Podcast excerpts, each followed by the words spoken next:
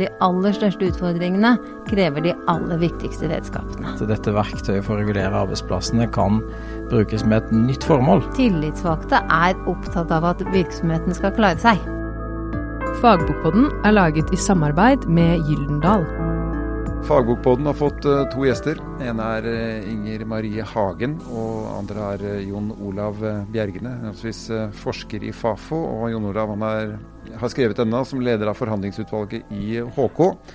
Som også var opptatt av dette allerede fra 2016. og Det handler om er grønne tariffavtaler. og med bakgrunn i at måten partene sitt avtaleverk er skrudd sammen på, så kan vi påvirke klimautslippene med 80% Hvor er det man må sette inn uh, kreftene for å få til det, Inger Marie Hagen? Ja, Utgangspunktet vårt er at 80% av utslippene kan knyttes til aktivitet som har med arbeidslivet å gjøre. Og da har vi skrevet en bok som tar utgangspunkt i erkjennelsen av at dette blir nok ganske vanskelig. Vi ønsker ikke å underslå det. Og når ting er ganske vanskelig, så må vi lete etter de redskapene vi har brukt tidligere for å ordne opp i ganske vanskelige og konfliktfylte ting.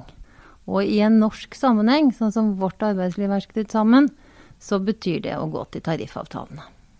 Hvordan skal disse kunne påvirke det? Annet enn å være rene krav som kanskje arbeidsgiveren eh, syns, eller motparten da, syns bare er dyrt og vondt og vanskelig? Tariffavtaler er en måte å fordele kostnader på fordi man blir enig om en avtale. Og det er rettigheter og det er plikter, sånn som vi pleier å si. Men det er en måte som begge parter kan forplikte seg til. F.eks. en full gjennomgang av virksomheten i bedriften. Bytte lønnsøkning mot andre goder. Forskjellige typer forslag som vi har i boken. Men utgangspunktet er altså en fordeling av en belastning. Og en rettferdig fordeling av det.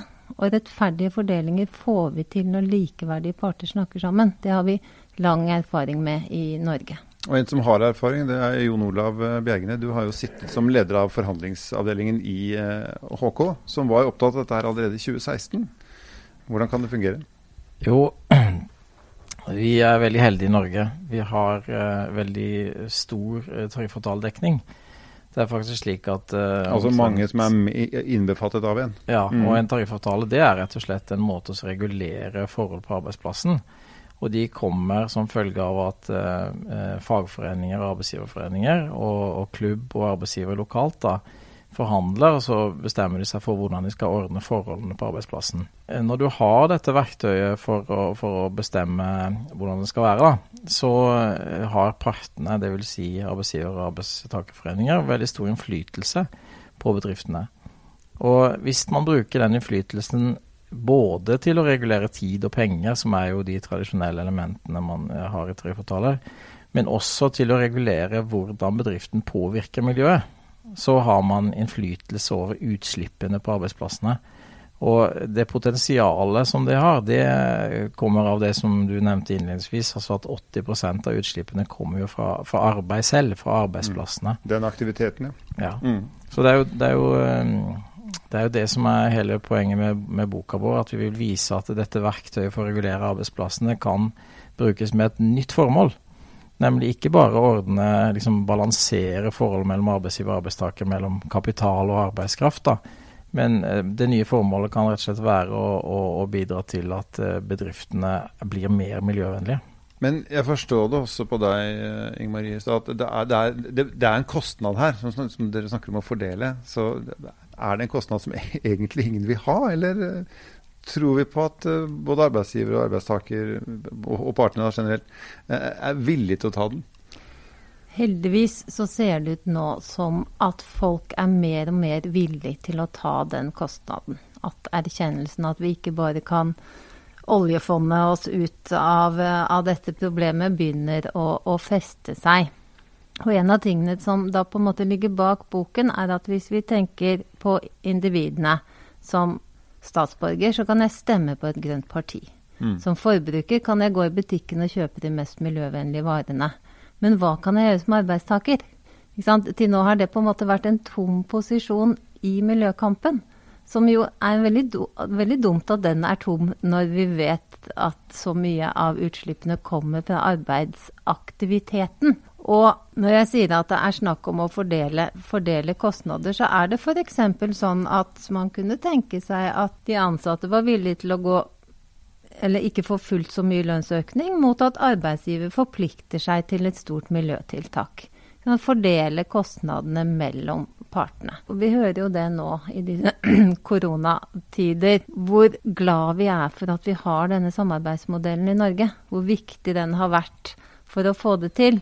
Og I boken gir vi også altså, tidligere eksempler på hvor viktig partssamarbeidet har vært når Norge har stått overfor store utfordringer. Jeg tror kanskje de, eller i hvert fall veldig, veldig mange, er enige om at nå står vi faktisk overfor den aller største utfordringen. Og de aller største utfordringene krever de aller viktigste redskapene. Hvis man er litt sånn forskningsmessig her, så, sant, så, pleier vi å si at jo, men tariffavtalen er den grunnleggende mekanismen som regulerer norsk arbeidsliv. Og da må vi ta de store kanonene i mm. bruk. Og så i, i boken så, så, prøver vi å komme med noen uh, konkrete eksempler, som vi også har fått Cicero til å, å regne på. Det gjelder på arbeidsreiser og reise, reiseområdet. Men vi later ikke som om dette er en bok som kan gå inn i enhver forhandlingsdelegasjon, og så er saken så er det ferdig. Ja, ja. Det vi ønsker, er at vi vil ha en debatt om hvordan vi kan bruke dette reguleringsverktøyet på det grønne området. Og dra med oss ikke sant? Vi har erfaringer at det er blitt brukt før til å løse de store utfordringene. Men kan jeg si der, eh, Det med kostnader er jo noe av det mest interessante. Og hvorvidt miljøtiltak på en bedrift er en kostnad, det reiser mange spørsmål. Altså for hvem er det en kostnad? Eh, og eh, i hvilken tidsperspektiv er det en kostnad? Altså Hvis man fortsetter som før i bedrifter og baserer seg på fossilt og bruker veldig mye, veldig mye energi og driver rett og slett miljøbelastende, så blir, kan det bli en så stor kostnad at den bedriften ikke har livets rett i det hele tatt. Mm. Og Da er jo de umiddelbare omkostningene ved å legge om, som kan være en belastning både for arbeidsgiver og arbeidstaker, det er jo absolutt en kostnad, men det er kanskje verdt det på lang sikt. Og så er jo en kostnad også et spørsmål om hva slags krav man i bedriften eh, går med på. Hvis arbeidstaker fremmer et krav om at vi vil ha eh, kjøregodtgjørelse for sykling istedenfor bil, mm. så er ikke det noe dyrere for arbeidsgiver. Og det er litt større fysisk belastning for arbeidstaker, litt avhengig av avstand. og Det er jo ikke realistisk å sånn sykle for langt. Gå, ikke gå glipp av de pengene fordi du tar sykkelen? Ja. Nei, du trenger ikke å gå glipp av pengene, og, og, arbeidsgiver betaler det han har betalt. Men du, du reduserer bilbruken i bedriften. Og i, i boken her så er det sånne eksempler vi har massevis av, som, som Inger Marie nevnte et helt kapittel som handler om transport. Men vi har jo også mange eksempler på hvordan bedriften kan bruke pensjonsinnskuddene miljøvennlig. Det vil ikke være noen belastning for arbeidsgiver og ikke noen belastning for arbeidstaker. Det er bare en, en ny investeringskanal. Og eh, vi har eksempler som rett og slett er besparelse for arbeidsgiver. altså Typisk hvis man behovsprøver retten til gratis parkering på arbeidsplassen, eh, så vet vi at eh, La oss si at 50 ikke lenger får lov å parkere fordi de kan ta buss eller kan ta tog, og de har ikke noen unger de skal kjøre i barnehagen. Så reduserer du klimautslippene vesentlig. Mm. Det vet vi ut fra, ut fra regnestykkene. Og det koster ikke arbeidsgiver noe. Han sparer penger. Altså Et herværende eksempel som jeg bare må ta frem noe sånn koronamessig. Altså Nå er det nettopp vedtatt en uh, stor utbygging av uh, E18 inn mot hovedstaden, hovedstaden, som har vært mye krangel om. og så ser vi at veinettet nærmest er tomt. At kollektivtransporten har påteipede seter, og alt skyldes det lille ordet hjemmekontor. Et sånt lite grep vil jo også kunne revolusjonere karbonavtrykket vårt i forhold til hva vi driver med før 12.3. Ja, og, og de som kom nå nettopp var utrolig interessant når de hadde regnet ut hvor mange av oss trenger hjemmekontor for at vi slipper en ny tunnel gjennom Oslo. Mm. Ikke sant? Som det jo er et som står øverst på alle lister. Mm. Og det var, var ikke, ikke, mange. Men ved å ikke sant, Alle disse forslagene kan man jo bli kan virksomheter innføre. Vårt poeng er på en måte at vi vil ha dette inn i partssamarbeidet. Mm. Sånn at de tillitsvalgte på vegne av sine medlemmer skal si at jo, vi er med på hjemmekontor, men det skal kanskje ikke pålegges på den måten dere gjør det nå. Vi skal kanskje ta hensyn til de som må kjøre i barnehagen eller ditt og datt. Og vi vil diskutere hvordan denne innretningen skal være. Mm. Og det er et veldig viktig poeng, eh, poeng hos oss at jo, men vi skal ha partssamarbeid rundt dette her. Det skal ikke være bare tiltak som arbeidsgiver innfører. Det skal være tiltak man er enige om. Det er de store, de sentrale partene som, regulerer vårt arbeidsliv. Men det er på en måte det er de lokale tillitsvalgte og de lokale lederne som er mot motoren i hele modellen. Altså Det nytter ikke med et trepartssamarbeid hvor, hvor eh, toppene sitter og sånn og sånn skal det være. Det er helt avhengig av oppslutning der nede. Og det er vi også opptatt av i boken, fordi kunnskapen om hvordan akkurat min bedrift kan bli mer miljøvennlig, hvilken teknologi som er aktuell for akkurat min bedrift, den fins jo der nede. For å få det konkretisert så må det være på bordet til det som vi snakker om som de lokale partene, men som jo er, ikke sant, de tillitsvalgte og ledelsen i en konkret bedrift eller statlig virksomhet, for mm. den saks skyld. ikke sant, På det enkelte Nav-kontoret. Hvordan skal hjemmekontor skrus sammen her? Og det er vi veldig opptatt av, nettopp for, fordi vi ikke vil ha at Dette skal ikke være noe sånn som toppfolkene bare snakker om. Dette skal gjennomsyre partssystemet fra topp til bånn. Og båndene er kjempeviktig. Mm, der ligger kunnskapen om hvordan det kan gjøres? Ja, begge steder. altså eh, Sentralt så forhandler vi det som vi kaller for overenskomster. Som er eh, et slags sånn grunnlag for, eh, for virksomheten i, i, ulike bransjer. Disse overenskomstene er tilpasset de ulike bransjene. da. Og i, i, Der kan man ha bestemmelser om arbeidstid, om arbeidstøy, om tjenestereiser, om uh, ja, innsikt i, i kontraktskjedene for de tillitsvalgte. Mm. Mye som kan gjøres sentralt. Men for at man skal få klima- og miljøtiltak som er tilpassa den enkelte bedrift og den enkelte bedrifts økonomi, så trenger man også lokale prosesser, sånn at arbeidsgiver og tillitsvalgte kommer sammen og, og finner ut hva som passer for de. Og eh, det er jo, tror jeg, nøkkelen. altså At man lokalt eh, har prosesser som gjør at eh, ikke bedriftseierne føler at noe blir tvunget på dem. Altså, mm. vi, vi, er veldig opptatt av i boka å vise at det finnes en del vinn-vinn-situasjoner. Ja, for litt til det. Uh, bare stille et sånt litt sånn corporate-spørsmål hvis jeg var bedriftsleder. Hvor langt kan jeg komme uh, bare ved å tenke smart uh, uten at det koster meg penger? At jeg kanskje sparer penger også? For det er jo det jeg er mest opptatt av på slutten av dagen. At jeg ikke har tatt noe penger her. Ja, vi, hvis vi tar noen eksempler. Det er gratis for arbeidsgiver å bestemme at uh, her skal vi ikke ha noe regnskogprodukter uh, i, i, brennstoffet. Det brukes jo en del palmeolje. Det er omtrent samme pris med og uten. Transport- eller tjenestereisende kan du organisere langt bedre enn ved at alle bruker bensinbil. Det trenger ikke koste arbeidsgiver noe ekstra. Eh, med mindre man eh, må bruke mye mer tid på, på arbeidsreisene. Det, det, kan jo være et problem. Hvis du skal gå fra fly til tog, mm. så kan det jo være at du må bruke mye mer arbeidstid på tog. Men nå har vi gått fra fly til Teams. Ja, og det, det er det mest effektive som har skjedd innen klima og miljø antagelig på lang tid. Da. Det er litt interessant, for det har vist men er, alle men er, det, men er det et miljøtiltak? Altså Nå er det et koronatiltak, men er det et miljøtiltak? Effekten er et miljøtiltak. Ja, for Hvis du vanligvis fløy til Bergen to ganger i uka for å ha et møte, eller to møter, og du tar det på Teams Det er klart at det er et miljøtiltak, og det er klart at man også i, i enkelte virksomheter trenger å diskutere sin møteaktivitet og hvordan den uh, er skrudd sammen på.